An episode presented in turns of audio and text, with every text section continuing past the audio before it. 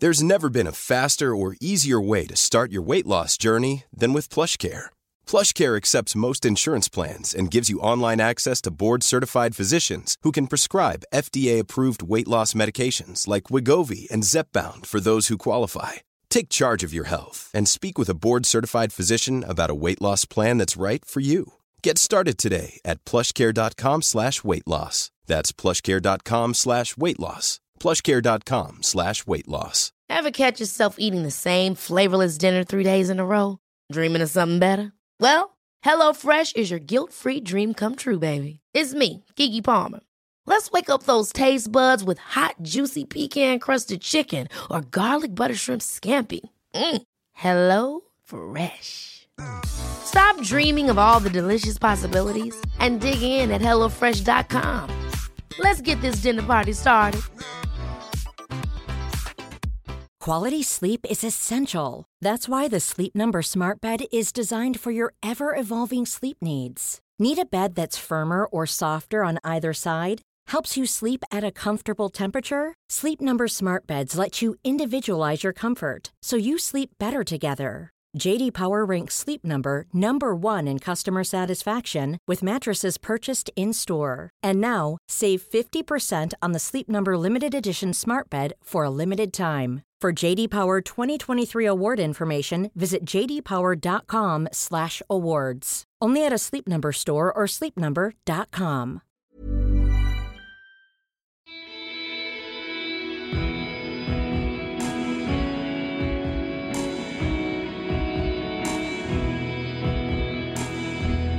Hei, hei, og velkommen tilbake til uh, Kaptare, eh, episode to.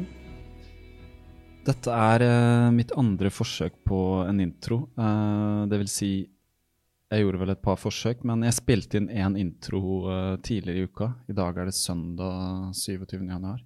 Jeg spilte inn én intro tidligere som ble litt lang, så jeg har klippet hele episoden ferdig. Men når jeg hørte introen, så skjønte jeg at den ble litt lang. Så det er utfordringen her, å bare få det kort og konsist. Eh, For i dag har jeg et intervju med en uh, kar som heter Stig Rasmussen. Han er min uh, nærmeste venn og uh, en av de som fikk meg til å begynne å løpe. Men før jeg introduserer han skikkelig, så tenkte jeg bare å si ukas høydepunkt har jeg notert meg. Uh, Podkasten er ute på iTunes. Det var veldig moro. Det var den på mandag. Så den er tilgjengelig der. Det er vel den beste måten å abonnere på, er å bare trykke 'abonner' i iTunes, så får du den nye episoden når den er klar.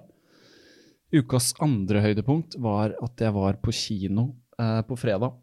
og Så en helt fantastisk film som heter eh, Free Solo. En eh, dokumentar om en klatrer som heter Alex Hanold. Eh, ganske ung mann, men allikevel eh, rutinert klatrer som eh, gjorde et forsøk på å klatre opp El Capitan. En vanvittig bergvegg i Yosemite i USA eh, som ingen hadde klatra opp før uten å bruke tau og fester og alt dette her. Så det er rett og slett et forsøk på å klatre opp uten sikring, og det er det mest spektakulære jeg tror jeg har sett i hele mitt liv. Så hvis den filmen eh, går på kino ennå, jeg er litt usikker um, om det var en spesialvisning eller ei. Den er i hvert fall ment å komme på National Geographic, så hvis uh, dere har lyst til å se en helt fantastisk menneskelig bragd, så vil jeg anbefale Free Solo, Alex Hanold. Jeg hørte et podkastintervju med han her uh, for en stund tilbake, men da hadde jeg ikke sett filmen, så nå, nå skjønner jeg virkelig hva det handler om. Uh, ellers så sitter jeg her nå, søndag ettermiddag. Jeg skal gjøre en løpetur, en langtur. Og eh, det som står på planen, er rundt 13 km. det snør. Det har snødd i hele dag, det er minusgrader. Det er kaldt. Jeg har allerede vært ute og aka med barn i timevis. Men langturen må løpes. Eh, Hvis jeg skal bli klar til eh, halvmaraton i april, så må jeg legge langturene til helgene. Og de skal bli lengre og lengre. Så i dag står det 8 miles, rundt 13 km på planen. Og hvis jeg får inn de, som jeg regner med jeg får, på en rundt halvannen time eller sånt, så har jeg hatt 50 km en uke her, og det er jeg fornøyd med. Jeg har ikke hatt 50 km på noen måneder, tror jeg. Jeg har også klart å komme meg opp i fem løpturer per uke, både forrige uke og denne. Um, det føles bra.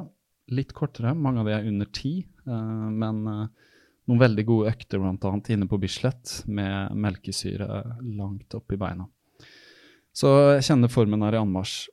Men for å introdusere ukas intervju. Dette er Stig Rasmussen, en veldig god venn av meg. Eh, antagelig den nærmeste jeg har. Vi har kjent hverandre siden vi gikk på gymnaset. Jeg flytta til Bergen uh, i 1989. Vi ble kjent uh, tidlig på 90-tallet. Og det var vel en felles interesse for musikk, grunchen, som uh, brakte oss sammen. Det var da Nivana hadde gitt ut Smells Like Teen Spirit, og Pearl Jam hadde gitt ut Ten. Hvis dere har hørt de, så skjønner dere hva jeg snakker om. Um, siden det har vi vært nære venner og gjort veldig mye forskjellig sammen, faktisk. Så en av de tingene vi gjør eh, en gang eller to i året, er at vi drar på, et, eh, drar på et, en hyttetur utenfor Bergen. hans families hytte, hvor vi er en tre-fire dager og bare løper, spiser, drikker vin, prater. Så i slutten av oktober i fjor så satt vi oss ned i stua og spilte inn et intervju. Og det var på en måte mitt første ordentlige intervju. Jeg hadde gjort ett mens jeg var ute og reiste i California. Uh, det var med en jeg ikke kjente, men dette var liksom første som handlet om løping. Så uten å dra det noe særlig lenger nå, så tror jeg vi bare sier uh, her kommer Stig uh, Rasmussen og meg. hvis dere vil følge Stig, så er han vel enklest å finne på Strava. Så her kommer Stig Rasmussen, og ha en god løpetur hvis du er på. Vi Sitter på Oddland utenfor Bergen. Eh, halvtimes kjøretur. Ser utover eh, en liten fjord. Eh, sollys, helt, helt klar himmel. Tre-fire varmegrader eh, på senhøsten. Eh, rimet lå i gresset i morges. Allikevel kunne vi løpe i shorts. Veldig rolig, ingen vind. Frisk luft. Deilig. Um, jeg sitter her med Stig Rasmussen, uh, en av mine eldste venner, som uh, kanskje var tungen på vektskåla som fikk meg til å begynne å løpe. Uh, det kan vi komme litt tilbake til, men først, Stig, hei og velkommen. takk, Marius, for at jeg fikk lov å komme. Veldig hyggelig at du stiller opp. jeg vil vel si egentlig at du ikke hadde noe særlig valg. Det var ikke noe spørsmål om du ville. Det var bare rett og slett. Men eh, jeg har lyst til å snakke med deg litt om løping, fordi du er på vei til å bli en ganske eh, erfaren løper. Har ganske nylig returnert fra Italia, hvor du løp et maraton. Hvilket nummer i rekken var det? Har du oversikt? Det var vel nummer fire eller fem, tror jeg. fem, ja. Femte maratonet ditt. Og når, når var du debuterte? I 2015. 2015. Og hvilket maraton var det? Jeg begynte der man må begynne med Aten maraton fra Ferrara Nei, fra Ferrara, sier jeg. Fra eh, maraton til, eh, til Panathinaikon stadion i, i, i, Aten. Rett og slett det klassiske, klassiske maratonet? Yes. Jeg har lyst til å fortelle litt om hvordan debuten din var? Det var eh, det var tøft, som det sikkert oppleves for alle. Eh, man kan ikke forberede seg på et maraton 100 eh, det som treffer deg de siste ti kilometerne. Men det var det, begynte egentlig med at jeg jeg røk korsbåndet, og så måtte jeg gjennom en operasjon og en, ja, et års pause fra ja, trening og fotball og det jeg likte å drive på med. Og så um, bestemte meg for at hvis jeg klarer å komme tilbake i, uh, i form og får trent opp igjen kneet til å bli like bra som det var, så da skal jeg løpe en maraton. Uh, så um, da ble jeg med en, uh, en sånn liten fin gjeng som har drevet og reist og løpt maraton sånn ca. en gang i året, med en bekjent av meg som primus motor. Så da sa jeg til han at jeg ble med hvis jeg, hvis jeg får orden på kneet. Så det, og det var tilfeldigvis så skulle de til eh, Aten det året jeg var frisk. Så det passet jo bra. Så du, du debuterte rett og slett etter å ha trent deg opp fra en skade også? Jeg vet jo at uh, du rett og slett ødela kneet ditt ganske heftig. Uh, hva, hva, var det som skjedde der? Uh, det er også en historie. det var rett og slett nesten på grensa til at du kanskje måtte gi deg, var det ikke det? Altså, det var sånn at du lurte på om du muligens ikke kunne løpe noe mer? Eller sykle eller spille fotball eller disse tingene? Hva var det egentlig som skjedde? Nei, jeg, eh, jeg røk korsbåndet på en Altså det eh, framre korsbåndet så er det mest eh, det, det, dummeste du ryker. Eh, det er ikke så gale hvis det er det bakre som ryker. Da, da, er det litt lettere å komme tilbake igjen. Men eh, nei, jeg spilte fotball innendørs sammen med andre litt for gamle menn som eh, strekker strikken kanskje litt for langt. Og det var vel det som skjedde for min del òg, at jeg eh, i en duell så ga, eh, ga, foten etter sånn at kneet bøyde seg feil vei, og da eh, røk eh, korsbåndet. Og eh, Men jeg Ja, du kan jo aldri vite, for at du en Altså, for det første så må du få en operasjon som må bli vellykket, og så krever det mye innsats òg. Det er ikke alle personer i, i Norge som blir operert uh, uh, hvis du er bikket et visst antall år. Fordi at det krever en del trening for å komme tilbake igjen. men da, da måtte jeg først gjennom tre måneder med trening før jeg fikk operere. Og så opererte jeg, og så tok det vel ni måneder med trening før jeg kunne begynne å og ja, Jeg kunne jo begynne å trene før det. altså Opptreningsperioden er jo en gradvis økning i aktivitet, men før jeg kunne begynne å gjøre det jeg hadde mest lyst til å gjøre igjen, det tok eh, ni måneder. Men eh, ja, og da eh, Da var det såpass suksessfullt at jeg til og med har spilt fotball etterpå. Så da, det er jo det mest risikable man kan gjøre med, med, med sine knær, vil jeg si. Ja, jeg, jeg, tror det. Jeg har ikke spilt fotball selv, men uh, jeg ser på det som en risikosport. Særlig inne, som du nevner, med, med middelaldrende menn som uh, kan gå litt hardt inne i duellen osv. Men uh, det er sikkert gøy. Men litt, litt tilbake til det her med, med, løpingen. Så rett og slett du, Når du hadde den skaden, så, så var det maratonet et mål. at du på en måte hadde det som en liten gulrot der framme at hvis du ble frisk igjen i kne, så skulle du debutere på maraton. Var det slik?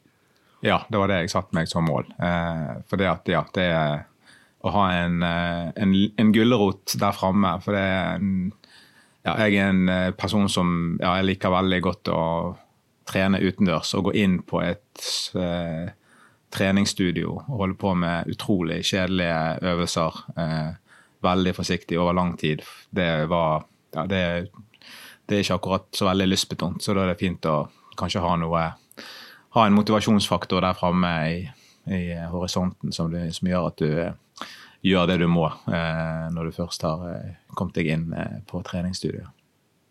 Du, du, måtte rett og slett først få styrken tilbake i beina, og så kunne du begynne å løpe gradvis? Og måtte kjenne litt på, på smerten osv.?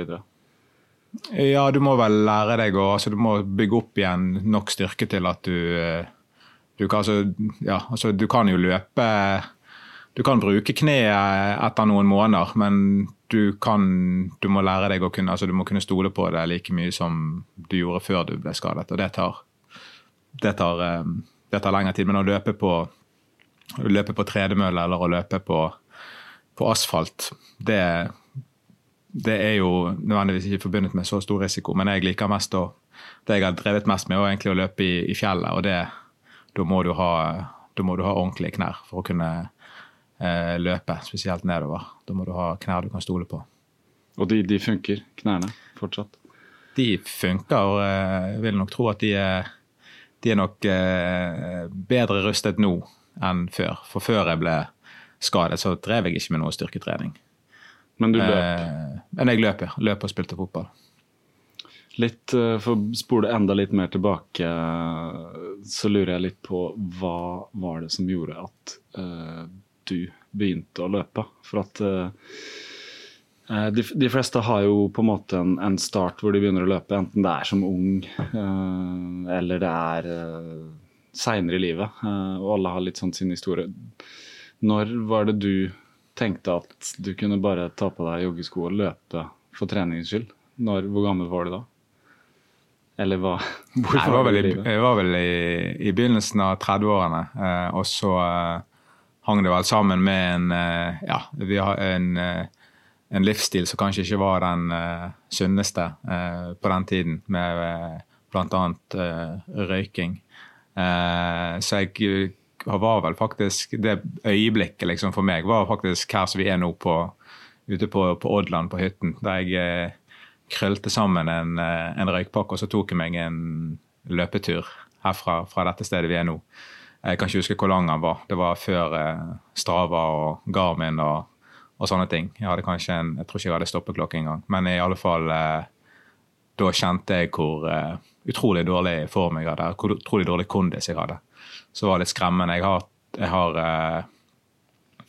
alltid egentlig jeg har spilt altså Jeg en fotballspiller fra fram til sånn junioralder. 18-19 år ga jeg meg vel. Og, og, så har jeg drevet med sånn eh, kompisfotball eh, innendørs eh, etter, etter, det. Men, eh, men, å kjenne og ta seg en løpetur og bare kjenne hvor eh, ja, hvor dårlig lungekapasitet man har. Da, eh, så det var vel det som var egentlig det som, Og da sluttet jeg å røyke og egentlig begynte å løpe, i, løpe forsiktig. For å si en, en, en sped start, men i hvert fall at jeg gjorde noe jeg aldri hadde gjort før, nemlig å knytte på meg eh, joggesko for å bare løpe langs veien.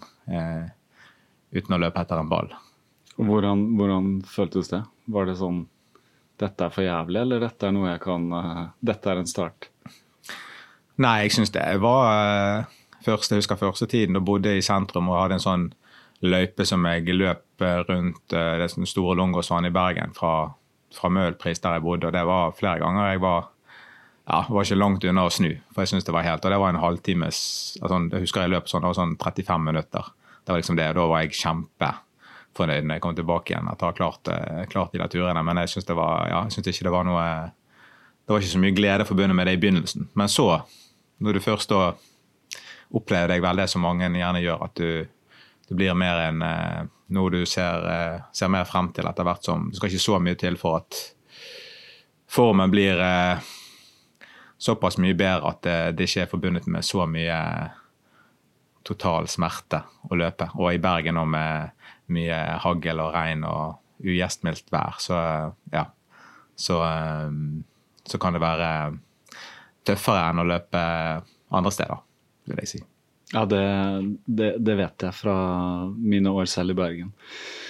Uh, jeg løper ikke på den tid, men, uh, men uh, jeg kjenner været. men da var røyken stumpa. Da, da hadde du stumpa røyken og på en måte så deg ikke tilbake. det var ikke sånn at det var litt sånn fortsatt røyking og løping og røyking og løping?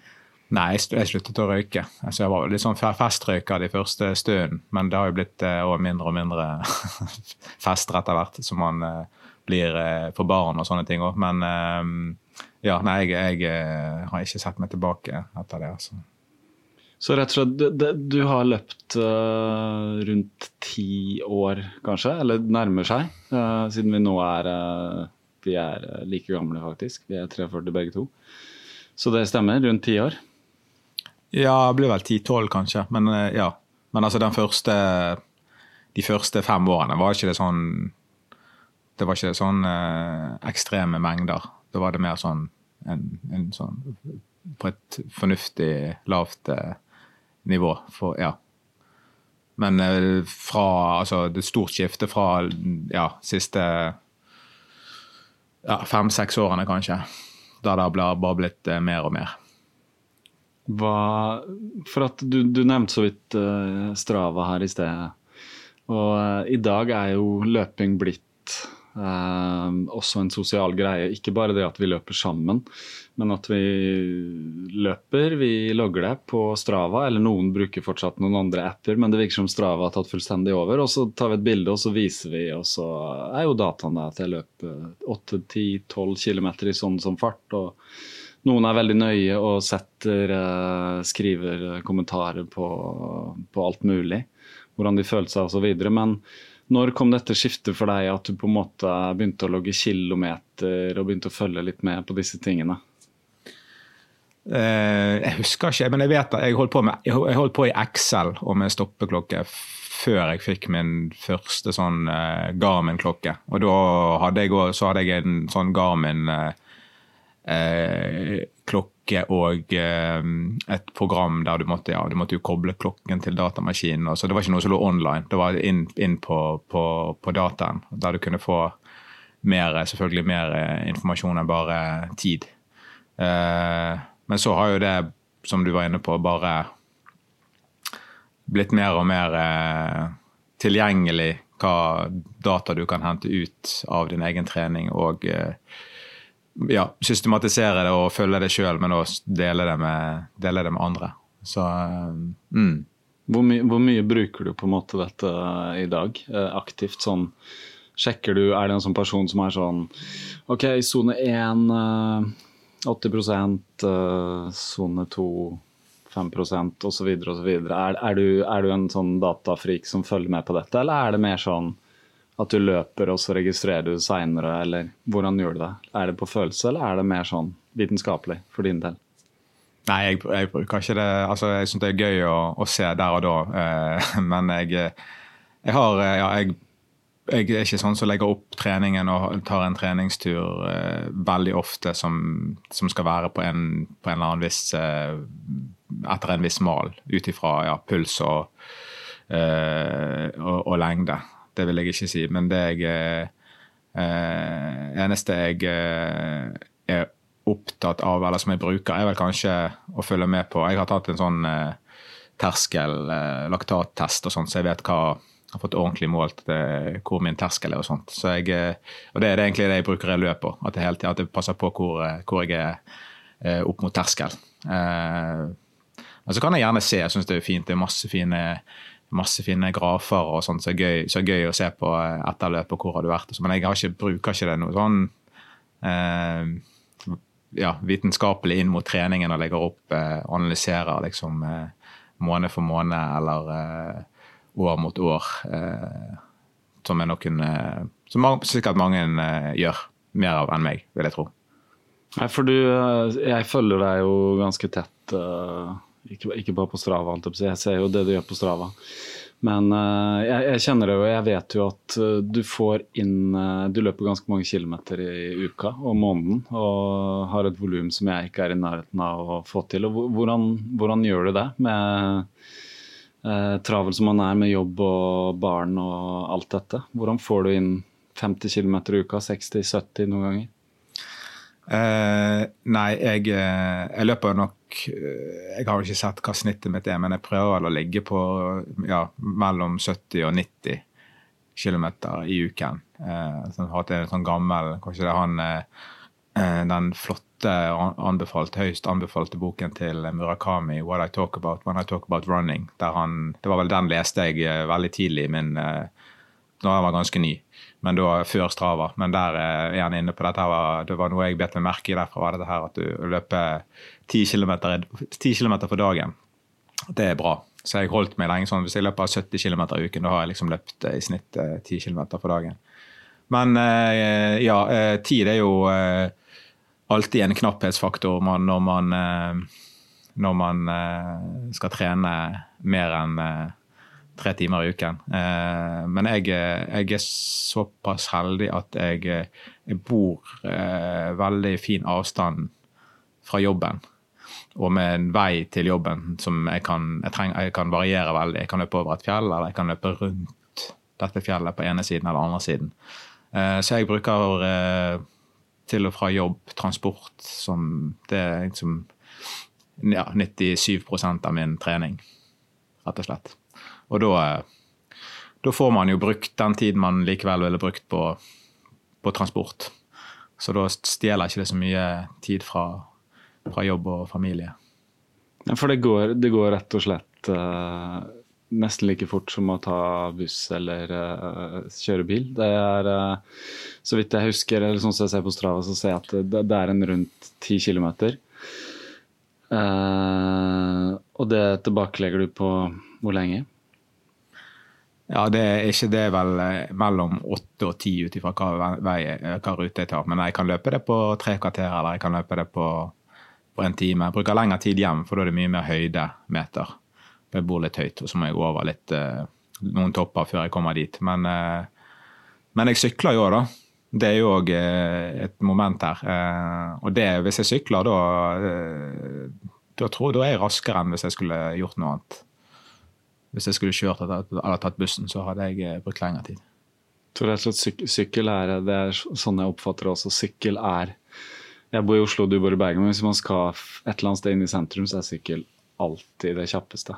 Det er sånn jeg oppfatter det. Det er rett og slett uh, Du kan både være gående og på en måte altså på fortau og sykkelstier og sånn, men også ut i trafikken. Og står trafikken, så fyker du forbi. Men uh, hvordan er det i Bergen med alt regnet? Hvordan i all verden Altså, jeg regner med at noen ganger så løper du i en regnbygge eller sykler i en regnbygge. Hva i all verden gjør du da når du kommer på jobb? Hva jeg gjør når jeg kommer på jobb? Jeg og er kliss, uh, klissglass? Eh, nei, da, eh, da, har jeg eh, mulighet til å, til å ta meg en god dusj og til å skifte klær.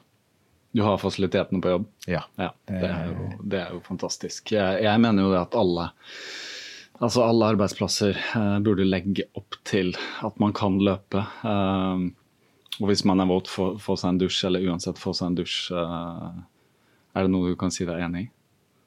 Det er jo eh, Det vil jeg si meg enig i, ja. Det, at det, det ville vært det optimale. Men det er nok langt ifra alle som har den muligheten. Men at det kan jobbes for å legge til rette for at folk kan gjøre det, det tror jeg nok er det er jo en trend, da. Det er jo mange større bedrifter som nettopp gjør det. Med, med sikkert uh, gode argumenter fra uh, de som driver med HR og sånt, at det kan sikkert få ned sykefravær og sånt, som jeg nok tror. Så har du, du, har du folk som er aktive i en aktiv arbeidsstokk, så har du nok uh, mer å tjene på den investeringen enn kanskje mange tror. Men hva gjør du For det er lett å tenke at uh, ja, det er sunt å løpe og sånn, men hva gjør du For noen ganger er det det psykiske, selvfølgelig er man sliten. Når du våkner opp tidlig en morgen, og det er uh, vinter, uh, og det er mørkt, og det er kaldt, og det pøsregner ute, Tenker du da at ja, i dag så bare tar jeg på meg klærne og løper, og så, og så tar jeg den dusjen når jeg kommer på jobb? Eller tenker du at nei, i dag orker jeg faen ikke, jeg tar, eh, jeg tar bussen? Er det, hvordan er det? Hvordan psyker du deg opp hvis du skal løpe, når du ser at været Og du sjekker i og du sier at det skal regne i fire-fem timer til? Nei, jeg, jeg, jeg har løpt i ja, noen ganger når jeg har eh, vært på tur, så vet jeg at det går ikke, været kan ikke bli verre. Jeg har jo overlevd. så jeg er liksom, Men eh, noen dager er jo tøffere enn andre. Men nå, eh, det jeg kommer til å gjøre nå, på de tunge dagene, da vil jeg, liksom, da vil jeg tenke hva, hva vil Fiona Oaks ha gjort eller tenkt? som nettopp er aktuell i en, i en flott film. så som du sikkert eh, kanskje har fortalt om på denne podkasten før, eller skal fortelle om. Ja, men vi kan godt uh, nevne noe, for at uh, det er rett og slett en dokumentar uh, som er helt ny, i hvert fall på dette tidspunktet vi snakker. Jeg vet ikke helt når vi får kjørt dette ut, men den var ny nå i høst og handler om en løper som kanskje strekker seg litt lenger enn andre. Um, og jeg var også inne på den tanken. Uh, etter å ha sett den filmen, så ble jeg litt uh, Jeg vil ikke si skamfull, men jeg tenkte litt sånn Når jeg klager at jeg må ut og løpe etter at uh, etter middag, etter kanskje til og med etter barna har lagt seg, og jeg er litt trøtt, så skal jeg bare tenke på Fiona. Fordi Ja, du kan jo nesten beskrive hvordan oppfatta du hennes holdning, rett og slett. Og hva Altså, vi kan jo godt si sånn Hva er det hun måtte gjøre på jobb før hun eh, gikk ut og løp? Nei, hun driver jo et sånt eh, er det sanctuary for, uh, for, for dyr i, i, England. Og hun, hun, står opp, hun lever som en hardtarbeidende uh, bonde på en måte. Altså hun har masse hardt arbeid dagen lang i all slags vær. Og ja, hun sitter ikke på, sitter ikke på baken. Eh, hun gjør alt fordi uh, for de dyrene dagen lang. Og så uh, klarer hun likevel å snøre på seg uh, skoene med en veldig og ganske stygg uh, skadehistorie på, fra, fra, ti, fra sein barndom, med, eller tenåringstid. Med, men likevel klarer klare å å eh, dra ut på lange løpeturer i ganske sånn som inntrykket var i filmen. Det er jo ikke akkurat, det er ikke alltid like gjestmildt heller å, å drive og løpe langs, eh, langs landeveien i, i Nord-England. Det kan rett og slett sammenlignes litt med Bergen, sånn som jeg eh, kjenner turer til England selv. Det er rett og slett ofte grått, eh, blåsete, kaldt og vått. Men, men, men, før dette For at jeg, jeg, ser jo, jeg følger deg på Strava, jeg ser jo at du løper som oftest hver morgen. Hva, hva tenker du eh, når du skal ut? Hvordan er det liksom og selvfølgelig har man vondt noen ganger, og du som har trent deg opp gjennom smertefulle kneoperasjoner, sånn, hva, hva, er det som gjør at man kan motivere seg videre, da? Eller hva er det som gjør at man på en måte ja, presser på? Hva sier man til seg selv? Hva, hva må man gjøre, rett og slett? For, å, for, at for, for noen så kan jo dette være bare rett og slett det å begynne å løpe kan jo også være veldig tungt. Eh, det er jo ikke vanskelig å sette seg inn i en situasjon til en person som var der vi var man røyker, man eh, har ikke noe fysisk aktivitet, man sitter mye stille på jobb eller sånne ting. Hvordan skal man liksom motivere seg, enten til å begynne å løpe eller til å komme seg ut når det er elendig vær eller kaldt, eller man har heller lyst til å spise is og se på Netflix? Nei, det er mest nærliggende. Jeg vet jo med meg sjøl at det, alltid når du, det, alltid, det, kan jo være tungt og hvis det er skikkelig grisevær og bare det å komme seg over dørstokken, sant, som er mange sin bøyg. Men eh, jeg vet jo at etter eh, Når har løpt eh, ikke så veldig lenge, men når har kommet i gang, så er det belønningen så stor. da. Og, og når du, spesielt når du er ferdig, da, at du faktisk har, har, har gjennomført det du, det du hadde satt for deg. Og så er jeg òg litt sånn eh, Så syns jo det er en seier hver gang jeg slipper å eh, Bil kjører jeg ikke eh, ut Ja, det, det har jeg ikke tilgang til, til jobb på en, på, en, daglig basis uansett. Men når jeg kan slippe å ta bussen, så er jo det, det er en motivasjon, det å bare ikke ta, ikke ta buss. Bruke, bruke beina. Bruke, være ekstremt miljøvennlig. Og ja. Ja. Uh, men, men, for de som ikke kan løpe til jobb uh, av en eller annen grunn, uh, som enten er sånn som meg noen ganger, som må dra med meg fotoutstyr og sånn til dit jeg skal jobbe, eller av en eller annen grunn ikke kan, hvordan Hva ville du si er Hvordan kan man motivere seg?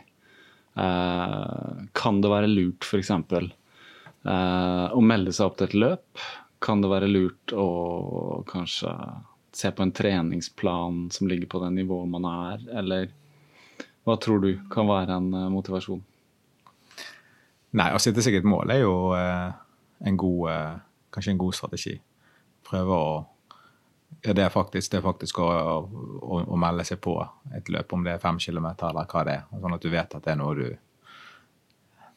har, har intensjon om å gjennomføre, men så vet du at du må du må eh, forberede deg for å klare å gjennomføre det. Eh, men jeg tror det er veldig individuelt da, fra person til person hva som skal til for at du blir eh, klar å motivere deg til å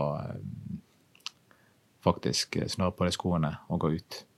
Så jeg tror ikke det er noen sånn mirakeloppskrift. For det har jeg sett, og jeg leser, har lest mye bøker og masse bloggposts og diverse. Eh, og det er jo veldig mange gode råd, men det er òg veldig mange sprikende råd. Og, eh, så jeg tror man bare må prøve å kjenne seg sjøl eh, og ja, bli kjent med sin indre, sin indre motivasjon.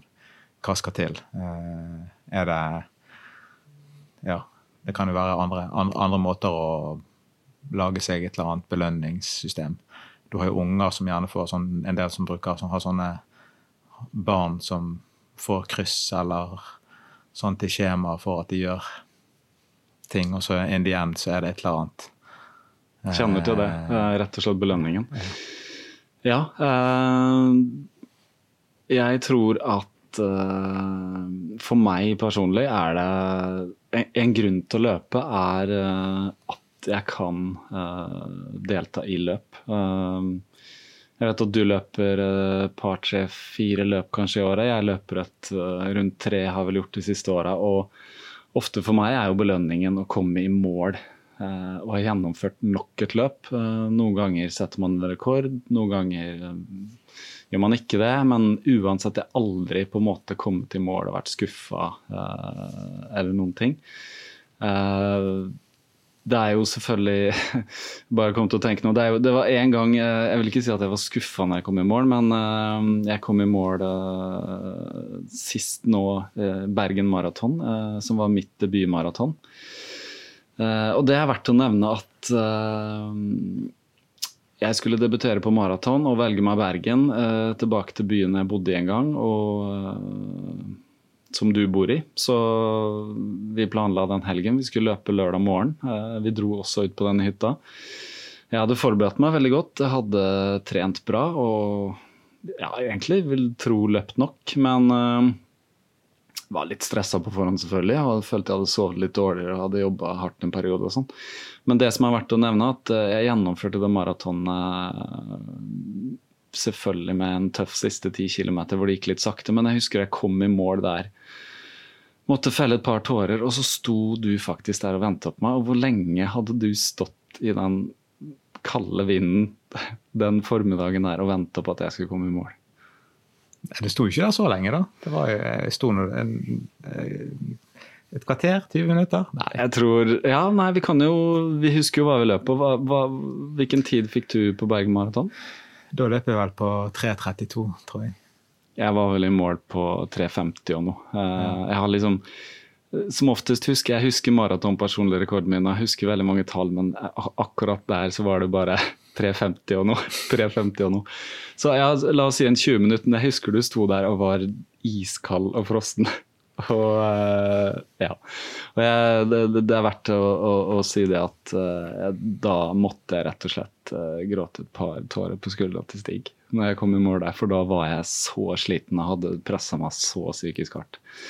Men det var bare en liten sånn uh, nå er det over, og så kunne vi le og gå bort til Vikinghallen og skifte. Uh, det var, eh, det var, fort glemt. Eh, og det er litt som du sier også, ditt, ditt første maraton. Eh, har du lyst til å fortelle litt om hvordan det var som erfaring? Fordi jeg tror alle som debuterer på maraton, rett og slett bare gjør seg en erfaring. Du, du, kan ikke helt vite hva det går til, selv om du har trent, selv om du vet hvor langt det er. Ja, nei, det, det men, ja, men, det er jo noen ting du kan, du kan eh, forberede deg på. Eh, Bl.a. å velge rett sko, f.eks. Eh, som jeg ikke gjorde på min første maraton, for de var litt for trange. For beina dine blir litt eh, du, De eser gjerne litt ut eh, på slutten av et maraton, så da trenger kanskje tærne litt større plass. Så jeg husker at jeg eh, ja, jeg kan jo ta starten starten. Det maratonet i, i, i, Aten. Det var tidlig om morgenen i en buss fra Aten til maraton, så det var egentlig ikke sånn veldig optimal sånn start på For du måtte begynne å reise ganske tidlig. Og så en full buss eh, på motorveien mot maraton, og så skal når alle skal ut eh, av den bussen, og alle må like mye gjøre sitt fornødne. Eh, det så ikke så veldig pent ut i åsene rundt eh, maraton den morgenen der. Men eh, det var Da husker jeg at da hadde ikke jeg noen tid, og i det, det, det maratonet der var det når ikke jeg hadde en maratontid å vise til, så måtte jeg starte i pulje åtte. Dvs. Si den bakerste puljen. For du, ellers hadde du pulje etter hvilken tid du har løpt på før. Og da, Så det var litt så da, Jeg var jo i en gruppe, vi var vel en ti-elleve personer som, som, løp, og de andre var jo foran meg. For de hadde løpt maraton før. Og da eh, endte det med at jeg fikk en veldig sånn eh, eh brokete start fordi at jeg var i et felt der det gikk for sakte. Så jeg måtte drive og bruke mye energi på å løpe forbi folk. Og så var det litt, var ikke veldig god plass. Litt sånn opp og ned av fortau og sånt. Sånn at du får aldri noen Og da får du aldri noen god rytme. Sant? Det beste er hvis du starter til ditt første maraton, vite hvilken, ha et eller annet mål om hvilken tid du kanskje skal peile inn på, og så ha en eller annen fart så du kan finne og holde en marsjfart. Men det var ikke, det var ikke så lett her, siden jeg måtte mye opp, opp i fart eh, for å eh, forsere folk. Og der er det en sånn eh, Denne løypen der var vel eh, flatt de første ti, og så går egentlig de neste 20 er det sånn stigning hele veien. Så det er ganske tøff løype. Det er derfor det er ingen, som, det er ingen internasjonale navn til startstreken der. For det er, ingen, det er, for, det er for, tøft. Det er ingen store maratonnavn som kommer der for å slite seg ut for å få en uh, dårlig tid i Aten. Um, men da løper jeg vel ja, jo, veldig sånn klassisk, løp altfor fort første halve. Sant? Hadde kjempe uh, splitt. um, for trange sko, ja. Og så uh, er det dette her med å uh, gjøre det rette når du, når du kommer i mål mer sliten kanskje enn du noen gang egentlig har vært. Uh, og få i deg de rette tingene og, um, etterpå, så ikke resten av dagen blir et, et halvt mareritt.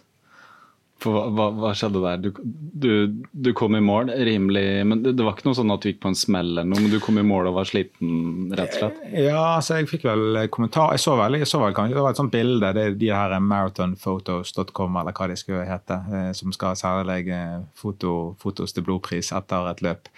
Uh, der var det vel noen bilder. Jeg så ganske sånn opplagt ut. da. Og det hadde jo flere. Jeg hadde to andre som jeg ikke skal nevne eh, navn på, kanskje. Men nei da. Eh, det var to som havnet i sykestuen der. Da, for det, var ganske, for mange, litt varmt, kanskje. Ble, jeg syntes det var helt perfekt, for det var et par og 20 grader når vi kom i mål. Men jeg hadde noen som havnet i, som måtte ha litt assistanse når de kom i mål. Så de hadde nok tømt seg fullstendig, men de løp jo med De var flere som kjente hverandre, sånn, så det ble litt mer kniving. Jeg løp alene, så jeg løp egentlig bare mot meg sjøl. Og det er jo kanskje det smarteste når du ikke har vært uh, med før. At ikke du prøver å knive med noen som, som du ikke burde knive med. Men uh, nei, men uh, jeg, jeg, tror faktisk at jeg, jeg, Det var så flott å komme i mål der, inn på denne Panantinaikon stadion i Aten. det var fint vær, og, men, og jeg traff alle de andre som jeg reiste med og sånt, men vi endte vel opp med å stå i en time i en sånn massasjekø. For å få sånn massasje.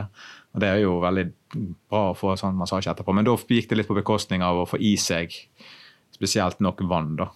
Du får jo du får jo alltid litt eh, Du får jo litt eh, du, har jo tilgang på næring når du kommer i mål. De gir jo deg bananer og litt diverse ting og sånt, men jeg, jeg fikk ikke i meg nok eh, drikke. Så utover Så de, ja, det fikk jeg husker jeg fikk en ganske sånn stram hodepine litt seinere på, på dagen. Rett og slett for lite for lite vann inn. Og da er det jo Da vet vi at når vi har vondt i hodet av Deviraj, så er det nesten litt seint. Nei, det er, det er, helt riktig det du sier. Det er, um, det, det er, veldig viktig å spise og drikke. Jeg fikk også erfare dette på min uh, maratondebut. At uh, jeg tror ikke jeg fikk i meg nok næring. Jeg prøvde å få i meg drikke, men uh, allikevel litt kreftene tom. Men det, det, har jeg spekulert i masse hva som skjedde der. Men det skal man i hvert fall huske. Få i seg plenty med mat. For det er jo ingen tvil at det er en helt ekstrem påkjenning på kroppen. Uh, hvor man tømmer ikke bare sukkerlageret, men salter og vann og alt er liksom helt tomt, ikke sant? Ja, nei, det, det er absolutt sant. Og et annet moment er jo at det som jeg ikke gjorde da, som jeg heller ikke var flink på det neste maratonet jeg løp heller, med det der å være eh, klare å altså før løpet og faktisk tenke, drikke sport, altså drikke, drikke, rett type drikk før. og Drikke ganske mye før du løper. Ikke for mye, men mer enn det du egentlig har lyst på, kanskje. For det, uh, du tenker kanskje mest på å gå på do før, før, et løp, men du må passe på at du får i deg sånn at du har litt å gå på. Men at du i tillegg drikker fast på alle altså på, Hvis det er uh, sånn her drikkestasjoner hver femte kilometer, bare passe på og fylle på jevnt hele veien, og ikke Det er lett å bare ah, føle, deg, føle deg i 'Dette går fint, dette går bra', og så bare løpe forbi. Det, får, det får du igjen eh, noen ganger seinere. Altså. Og drikke rett og slett, passe på at du får i deg nok underveis, selv om ikke du nødvendigvis føler deg tørst. Så ja, det, det var det første maratonet. Og så vet jeg at du har Uh, vi, vi, nevnte jo Bergen, men uh, bortsett fra det så uh, du, er du vel en av de som reiser til et nytt maraton hvert år sammen med en, en, løpegjeng, som du sa. kan du fortelle litt om hvilke løp du har vært med i, og på en måte litt sånn ting du husker derfra? Og om du har løpt raskere hver gang, eller hvordan har du, har du blitt en klokere, bedre, raskere løper? Eh, ja jeg, altså, jeg, har med, jeg har løpt jeg tror de første fire. Da, jeg løp, har løpt fem minutter raskere hver gang. Men nå siste da løper jeg nesten åtte minutter raskere. Så det har gått rett vei med, med tiden. Jeg begynte vel på jeg tror jeg løp på 3.46 eller noe sånt i Athena, og nå var det vel sist og hadde jeg 3.24. Men uh, ja, første etter uh, Aten, da, det var vel å løpe i San Sebastian i Nord-Spania. det var et veldig det var et veldig fint eh, løp i en fin by, men det var en sløyfe der du eh, to ganger samme sløyfen, sånn som du gjør i bl.a. Bergen. Um, det var ganske seint i november, så, det, ja, så da ble det ny pers. Da, var jeg ganske, da løp jeg aldri løpt så lite før et maraton som jeg gjorde før det maratonet. Da hadde jeg hadde jeg problemer med en sene i, i ankel som gjorde at jeg ikke eller jeg løp vel et annet ultraløp eh, rett vest her i Bergen nå, tre måneder før. Da løp jeg med en knekt tå. Så etter det så var jeg eh, lite, altfor lite løping, så jeg var litt spent. Men allikevel, jeg, kom, eh, jeg klarte å perse i, i, San Sebastian. Og så løp vi vel i Hva var det neste, da? Det må ha vært Var det Berlin, det, kanskje? Jeg vet at du løp i Berlin, og jeg husker du løp i Berlin. Uh, hvis det var det tredje og du har løpt fem, ja. For du løp i Bergen, så var det fjerde.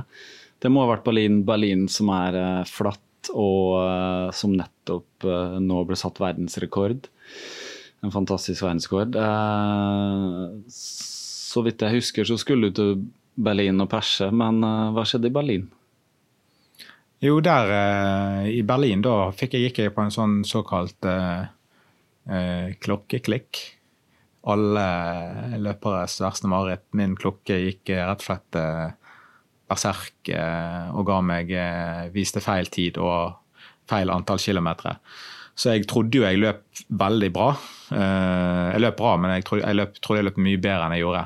Og så var ikke det så veldig godt skiltet i Berlin. Det var ikke sånn mange maratoner med, så er det Du kan ikke misse å se de her kilometer, skiltene for hver kilometer. Så, jeg, det kan hende de hadde i Berlin, men jeg fikk i hvert fall ikke med meg. Det var vanskelig å se, altså, Så jeg hadde ikke noe kontroll på annet enn klokken. Så da endte jeg vel opp med at jeg hadde klokken min sa at jeg til slutt når jeg kom i mål, så hadde jeg løpt 48 km og ikke 42. Sånn, så jeg visste, når jeg da skjønte dette, her, da hadde jeg sikkert løpt eh, par og 30. Sånn, så jeg hadde sånn 10 igjen. Og så innså jeg plutselig at noe er feil. Og så så jeg et sånt skilt, og så fant jeg ut at jeg jo, har løpt mye kortere. Og så visste jeg heller ikke hvor langt det var igjen, for jeg mistet helt eh, gangsynet. Begynte å prøve å regne og sånt på hvor mye må jeg løpe på, per kilometer for å komme under den og den tiden. Og da ble det da naturlig med altså Først jeg trodde jeg skulle løpe ned mot under 3,25, og så, så ble det å prøve å løpe på 3,30. Men det var Det kom vel i mål på 3,36 eh, eller noe sånt. Jeg, jeg kom i mål på. Eh, så det var beintøft. Det var helt, eh, det var et mareritt. Altså folk vil jo si at å løpe i Berlin og komme inn på Potsdamer plass og løpe mot Brandenburger Tor, sant? det er jo fantastiske omgivelser sånn sett, men jeg, det, var bare en, det, var, det var ikke noe sånn veldig gledesbetont for min del. Eh, men jeg kom i mål på ny pers, så jeg var jo fornøyd til slutt. Men i tillegg så syns jeg Berlin det var, en, det var kjempe, det var ikke noe bra vær når vi løp. I år var jo det fantastiske forhold, men vi, det var regn.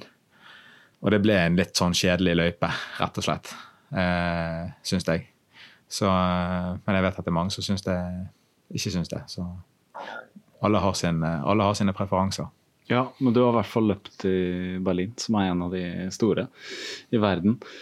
Eh, så fem maraton. Uh, jeg vet at du planlegger nye maraton også, men uh, som mange som har løpt en del maraton, og litt sånn som jeg har inntrykk av at det har blitt i dag, og så har du tatt sikte på lenger enn maraton også. Du nevnte her i sted Rett Vest, som kanskje ikke så mange har hørt om som ikke bor i Bergen. Hva, hva slags løp er det? Rett Vest det er et sånt Det er egentlig et litt sånn det er et ultraløp. For det er alt som er over maraton, er jo et ultraløp. Uh, og for å sitere uh, løypeansvarlig Stiv O. Støl, så er han 50 km. Og alt annet Løypeansvarlig Stig O. Støl? Stiv O. Støl? Stiv O. Støl. Det er alt av egoet til uh, en dugnadsgjeng da, som arrangerer et løp som starter på eh, Gullbotn, eh, litt innover i fjordene fra, fra, Bergen sentrum, i nærheten av Trengereid. Så går det over åtte fjell.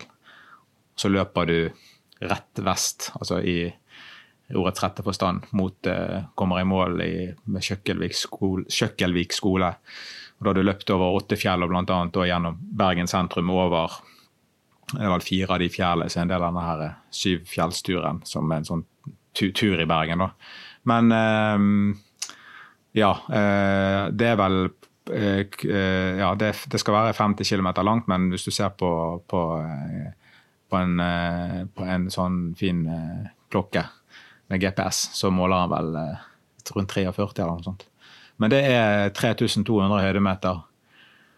Det foregår i august i slutten av august hvert år. Det er ofte veldig vått. Jeg har løpt det tre ganger. Um, og det er en uh, løype som det er, en, det er en, uh, det er et løp som er uh, altså det, er dug, du, det, har vært sånn en, dugnadsbasert, hvis jeg kan kalle det det. Da. I år var første gangen de hadde IQ-timing med startnummeret, og der du fikk registrert tid underveis. Og før hadde det vært bare du får et armbånd rundt rundt hånden. Og så eh, er det noen sånne sjekkpunkter underveis to, på to hytter eh, på, på fjellet. Eh, der du må oppgi navn og nummer, sånn at de eh, vet at folk er kommet seg eh, der de skal. Så det er lite folk. Det er, lite, det, det er ikke mange det er ikke mange fra arrangøren underveis i, i løpet. Så må så der er det noen krav til hva du må ha med deg, og sånt, skal og veldig strenge regler på hvor man har lov å hvis du velger å avbryte løpet, hvor du skal gå og hva du skal gjøre. For det har jo vært noen som har dessverre forulykket tidligere i det løpet. Eh, rett og slett omkommet ja, er, i løpet? Ja, det har vært noen som har uh, blitt tatt av en elv, og så er det en som har òg gått ut av løypen altså på et sted som man ikke skulle gått ut og falt, sånn som jeg kan huske det nede eh, ja, og forulykket, dessverre. Så Men eh, det er et ja, det er 200, tror det var 250 stykker til start. Så er det vel kanskje en 200 som, start, som kommer på stiller til start den aktuelle dagen. Og så må du, så må du være har de vel en sånn cutoff-tid før du kan gå opp på siste fjellet da, for om du skal få lov å fortsette eller ei pga. lyset. Men eh, ja, nei, det er et uh, fantastisk, fantastisk flott løp. Og det jeg bruker Eller nå brukte jeg åtte timer sist. 7.59, et eller annet. Utrolig nok. og der er vel han Det er vel han Torbjørn Ludvigsen, motbakkekongen fra Bergen, som har Han har vel verdensrekorden, som er rett under fem timer. Sånn, så han er jo noen timer raskere enn meg, men jeg er vel jeg er sånn midt på treet. Jeg tror jeg har sånn Jeg tror jeg kom på noen og 40.-plass nå sist.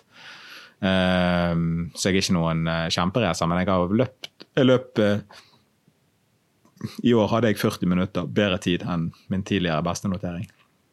Ja, så her, her er rett og slett et løp hvor det liksom ikke går fem minutter bedre hver gang, men du kan liksom plutselig ta et jafs.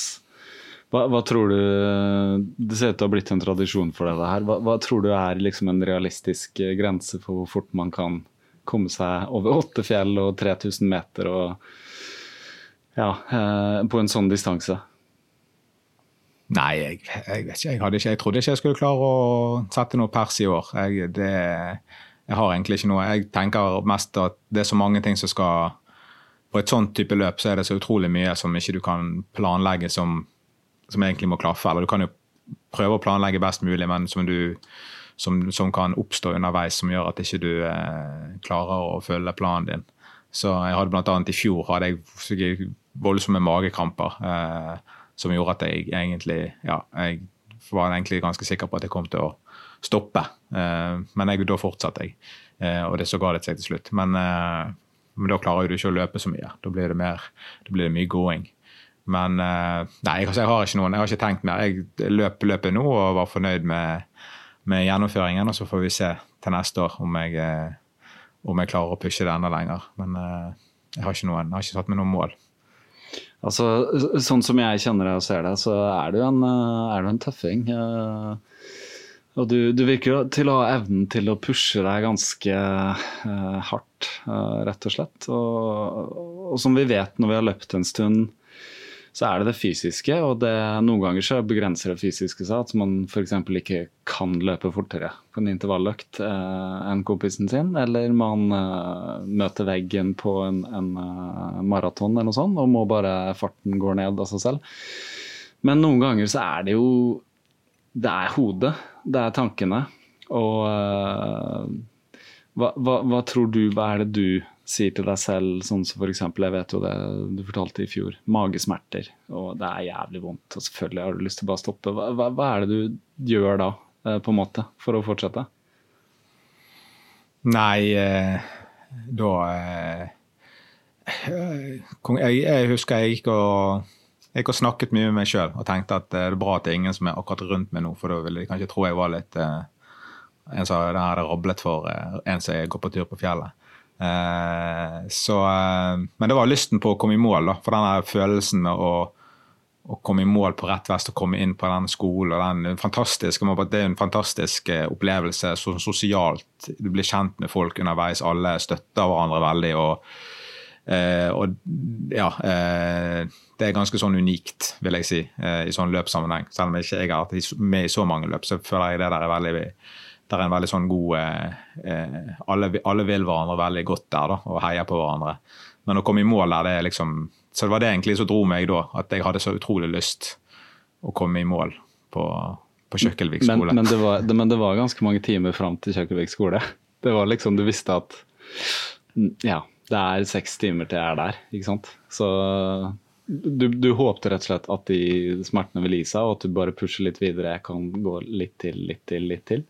Ja, det blir vel det. Blir vel det. Eh, å jobbe med det er jo det jeg har altså du, Jeg har jo skjønt og, eh, ja, og lest, eh, som jeg gjør ofte, men eh, det her med hvor mye hvor mye, av det, hvor mye av utholdenhet som ligger i det mentale, hvor viktig, hvor viktig det er. Det er eh, Ja. Eh, det har ekstremt mye å si. Altså, klarer du klarer å hva få, altså hva hodet ditt, hjernen din, klarer å få, få, kroppen til å gjøre når du egentlig tenker at det er ikke mulig å, å gjøre mer.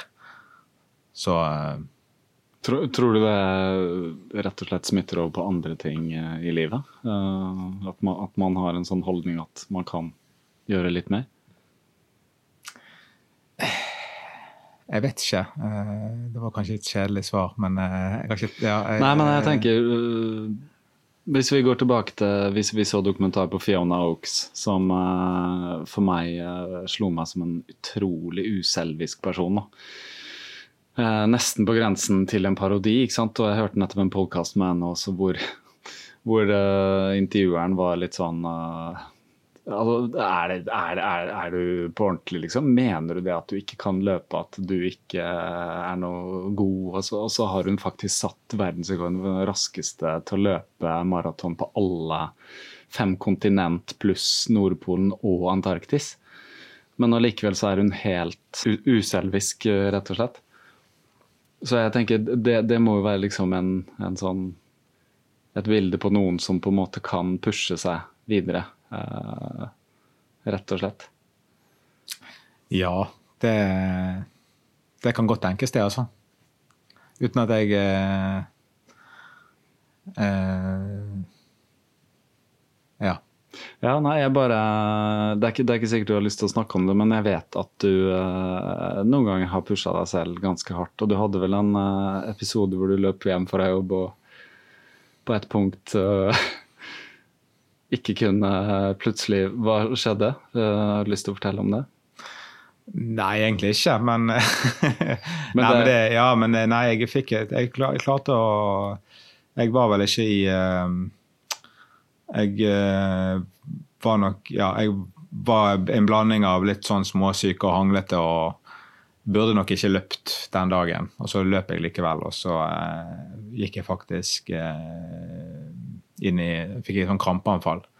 Eh, sånn at jeg, ja, jeg fikk et, eh, gikk inn i sånn, det som man kan kalle sånn epileptisk eh, anfall.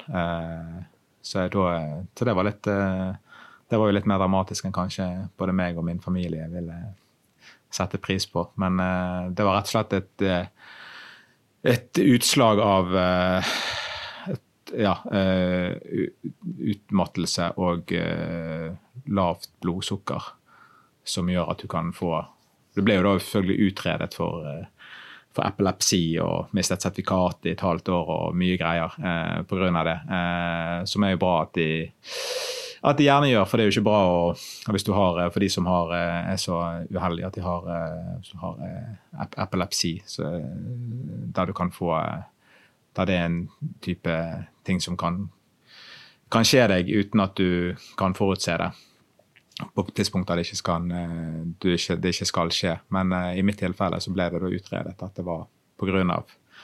Lavt, uh, lavt blodsukker. Ja, det, Så du har, du har, faktisk lært, dette snakka vi om uh, nylig i sted, at uh, en liten næringsbar med på tur kan faktisk gjøre en forskjell? Ja, det vil jeg. Hvis du er, ja, alltid har noe som Hvis du kjenner at det, det, noe, ja, det, er, veldig, det er en god forsikring å ha alltid ha noe du kan eh, få i deg som eh, Ja. ja. Og så rett og slett at noen ganger så For vi, vi, beundrer jo gjerne de, og vi tenker selv også at vi kan presse oss selv litt hardt. og sånn, men noen ganger så er det jo rett og slett sånn at man går over en grense. Uh, og det var kanskje det som skjedde med deg der, at uh, Som du sa nå. Jeg, var syk, jeg var sliten, og jeg vet at du hadde vært uh, ja, hard jobbperiode kanskje litt lite søvn osv., så, videre, så kan, sånne ting skje. Men rett og slett bare innrømme for seg selv noen ganger at der gikk jeg litt langt. Men det lærer man av, ikke sant. Og heldigvis var det jo ingenting alvorlig. Det var jo ingenting som feilte deg. Men uh, du måtte rett og slett bare ta et steg tilbake der. Men det gikk ikke lang tid, så vidt jeg vet, så var du tilbake igjen og løp.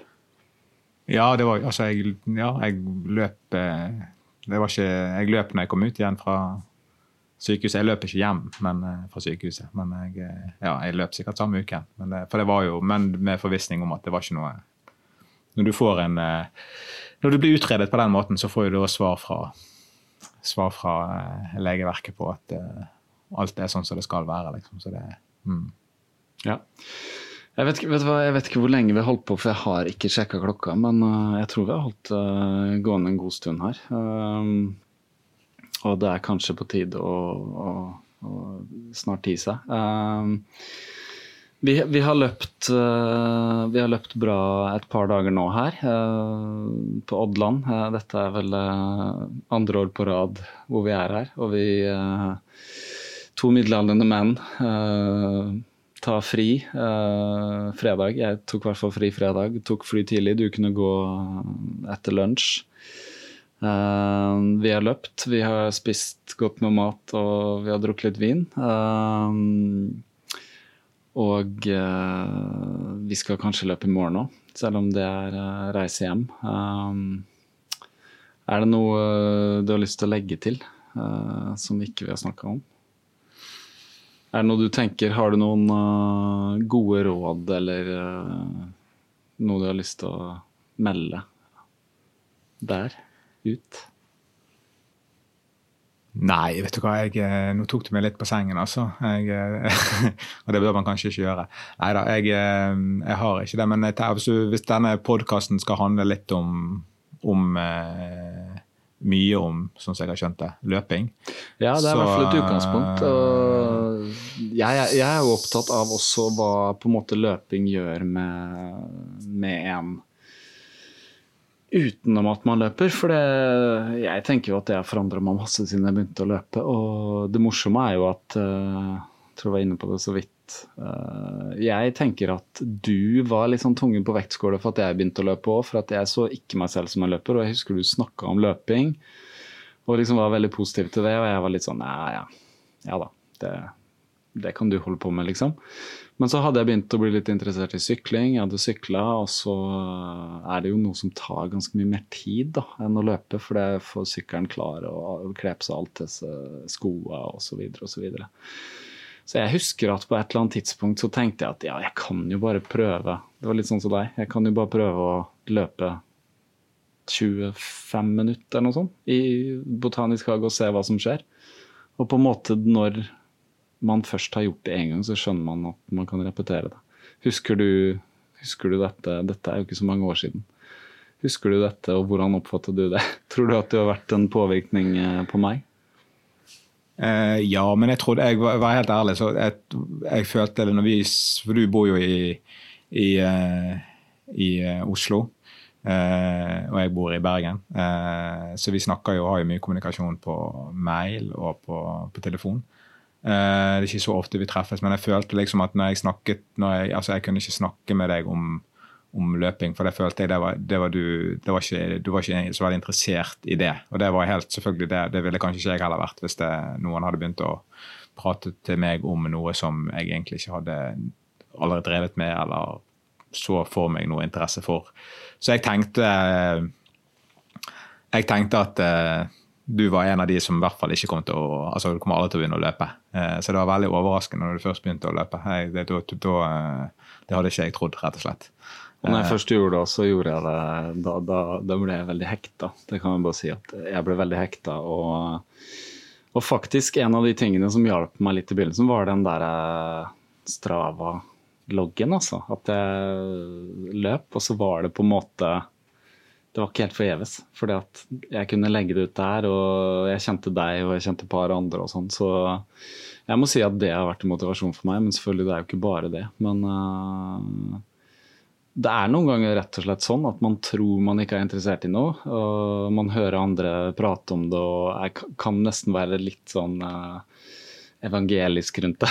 fordi er man litt frelst på løping, så tenker man at faen, dette burde jo alle bare drive med fordi det er jo så bra. Det er bra for helsa og det er bra for miljøet og alt mulig. Og man kommer seg ut og man puster ren luft og man får overskudd av det hvis ikke man kjører seg selvfølgelig helt i i kjelleren. Men uh, ja, det, det, det, er sånn jeg har tenkt på det etterpå. Og jeg er relativt åpen for innflytelser, så det er kanskje det også, uh, rett og slett. Men uh, hvordan Nå ble det jo litt lengre avslutning enn jeg trodd, men det er én ting jeg bare tenker jeg skal spørre deg om før vi gir oss. Hvor, hvordan ser du deg liksom fremtiden din som løper? Kommer du til å liksom fortsette med et maraton i år og prøve å sette rekorder og sånn, eller? Hva tenker du?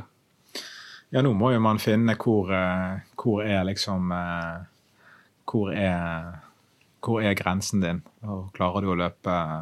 Hvor fort kan du løpe? Nei, jeg, jeg tror jeg kommer så lenge jeg, så lenge jeg har bein og knær, og så lenge jeg har eh, kropp til å løpe, så kommer jeg nok til å fortsette å løpe. Og jeg er jo en gammel reisemann. Jeg eh, liker å reise, og, eh, så jeg syns det er veldig fint å, å, dra et sted. Det er en god tradisjon å dra. Ta en egen ekstra motivasjon i det at du skal reise et sted med noen, eh, med noen flotte folk og, og, løpe et løp og sånt. Det er jo en, en, noe veldig fint å, å se fram til på regnfulle dager i Bergen. Så jeg tror nok absolutt at jeg kommer til å, å fortsette med det. og kanskje løpe litt mer eh, andre løp og Eh, kortere løp. Og, ja, det er gøy å, det er gøy å stille til start. altså. Det var ikke det når jeg begynte å løpe, så skulle jeg, jeg vært litt sånn, kanskje litt sånn Jeg skulle i hvert fall ikke ha startnummer. Og Det hører jeg andre som sier de, altså, ja. Men jeg, det, var ikke noe sånn, det var ikke det som var min motivasjon i begynnelsen til at jeg hadde lyst til å, å stille til start noe sted. Men eh, det er veldig gøy når du først er når, det først er bitt av basillen. Men det jeg kan si, da, som et eh, godt altså, Hvis du skal løpe, og gjerne løpe litt mer, og passe på at uh, Det som gjerne skjer med mange som begynner å løpe, men som ikke fortsetter å løpe, er at de blir skadet. sant? At du, så da jeg kan få av, avrunde fra min side med noen tips fra, fra meg som har gjort mye, mye, mye galt, men også kanskje mye rett etter hvert, det er å og prøve å huske å, å trene styrke, bein, balanse, eh, holde, holde, knær og ankler så sterk som mulig. Det skal ikke så mye til. Det er ting du kan gjøre. Det er Sjekk på, på YouTube eller eh, din nærmeste eh, avis. Der er jo eh, treningsstoff eh, hver uke. Men eh, ja, altså ting du kan gjøre hjemme. Enkelt. Du trenger ikke å gå på treningsstudio for å gjøre det. og så prøve å løpe litt variert. Sant? Ikke finne forskjellige forskjellige, altså Gjerne løpe mye i terreng. Det er mye mer skånsomt for kroppen. Hvis du har muligheten til det. Ikke alle har det, men hvis ikke du har muligheten til det, så prøv å løpe litt. Ikke løp samme veien hele tiden. Sant? Løp nye steder. Prøv, prøv å, hvis du kan sykle til et sted og løpe, eller ja, komme deg, komme deg på andre, andre stier. Og gjerne òg litt variert, at det kanskje er litt bakker og sånt. Det, det er mitt, uh, mitt løpetips i dag. Det, det er veldig godt tips, tror jeg. Det er min erfaring, altså. Selv om styrketrening er kjedelig, så det trenger ikke ta lang tid. Jeg har en øvelse som uh, jeg kan fortelle mer om seinere, som jeg gjør igjen på kjøkkengulvet. Det tar meg kvarter 20 minutter, alt ettersom. Så, og det gjør meg sterkere. Og jeg merker det at uh, å, ha, å, ha, en sterk kjerne når jeg løper, det, det, er viktig. Noen ganger så er det sånn at man tenker at når, når, kjernen drar, så, så er man uh, sterk. Så godt tips. nei, takk, takk, Stig, for tiden. kanskje kan vi snakke sammen mer i fremtiden. Det var mange ting jeg tenkte skulle snakke med deg om i dag som det ikke ble snakka om. men det kan vi ta opp seinere. Da gjenstår det bare å si uh, takk og uh, på gjensyn. Uh, løp forsiktig, og hvis du vil følge Stig på Strava, så heter han Stig Rasmussen. Og løper jevnt og trutt. Så der kan man treffe Stig. Eller så er han ikke så veldig aktiv på sosiale medier, vet jeg. men det er greit. Har man én, så holder jo det. OK. Da snakkes vi seinere en annen gang. Jo, vi gjør det. Takk sjøl. Det var et rart intervju å avslutte. Uh, det var jo et intervju hvor vi egentlig ikke skulle noe sted etterpå. Så derfor den litt unaturlige avslutningen. Vi lo vel godt etterpå der også, tenker jeg. Jeg hørte litt kritisk gjennom det intervjuet, og jeg la merke til at jeg sa rett og slett veldig ofte. Jeg får vel bare sette det på kontoen for uerfarenhet, og at det er bare noen sånne hjelpesetninger og hjelpeord man bruker for å komme seg litt videre noen ganger. Etter hvert som man blir litt mer rutinert på monologer, så kan man prøve å jobbe litt mer med språket, som uh, man sier til sine små barn. Uh, en annen ting som er en uh, løper som jeg jo nevnte navnet på først ikke kom på i forrige episode, Kilian Journet, han er nå ute på The Ritual Podcast, et intervju der. Jeg har ikke hørt det selv, men jeg gleder meg til det. Det er jo bare å søke opp The Ritual Podcast. Jeg anbefaler den uh, podkasten på det sterkeste. Jeg hørte også en podkast med én lege som heter Zack Bush, og det er noe av det beste jeg har hørt på en podkast uh, eh, kanskje hele mitt liv. Um, anbefaler den også på det sterkeste, hvor de går inn på litt uh, hvordan det står til med uh, det gamle USA der borte, og mat Hvordan de dyrker mat, og hvordan de har klart å nesten ødelegge sin egen jord ved å bruke utrolig mye sprøytemidler.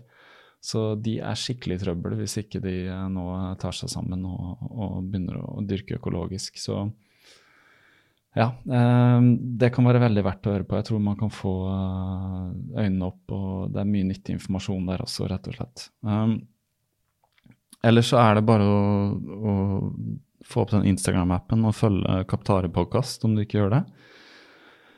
Akkurat nå jeg sitter her, så går sola ned. Eh, jeg kan ikke se solen, men eh, det er grått her ute. Men jeg ser ut, og lyset faller. Eh, og det minte meg på en ting at når jeg og Stig var der ute på, på Oddland, så hadde vi en liten greie hvor vi satt på musikk. Det var kanskje etter middag, og så var det jo på høsten, så det ble ikke så tidlig mørkt. Men vi satt på musikk, og så lot vi alt lyset være av i rommet, og så satt vi og hørte på musikk og nippet litt vin.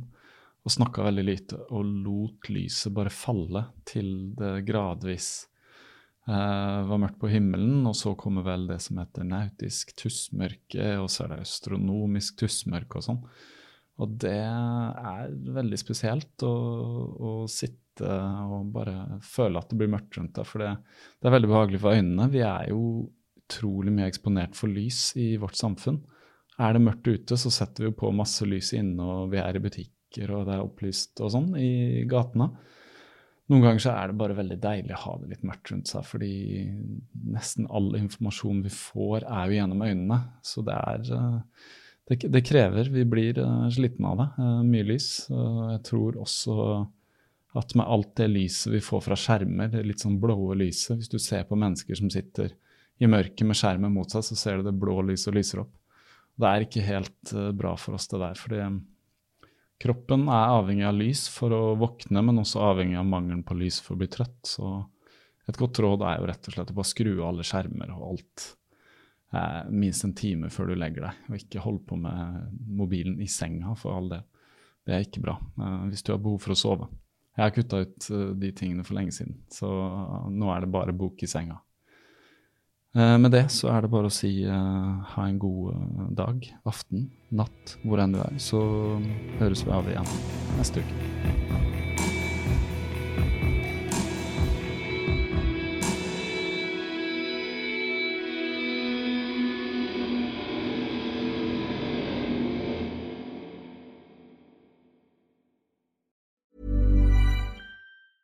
Hey, folks, I'm Mark Marin from the WTF Podcast, and this episode is brought to you by Kleenex Ultra Soft Tissues your ally to help tackle your allergy symptoms this season. I love the change of seasons, but nobody loves pollen and all those other things floating in the air that make you sneeze during this nice weather. Kleenex Ultra Soft tissues are hypoallergenic and allergist approved. So fight back against watery eyes and runny noses without worrying about irritating your skin. For this allergy season, grab Kleenex and face allergies head on.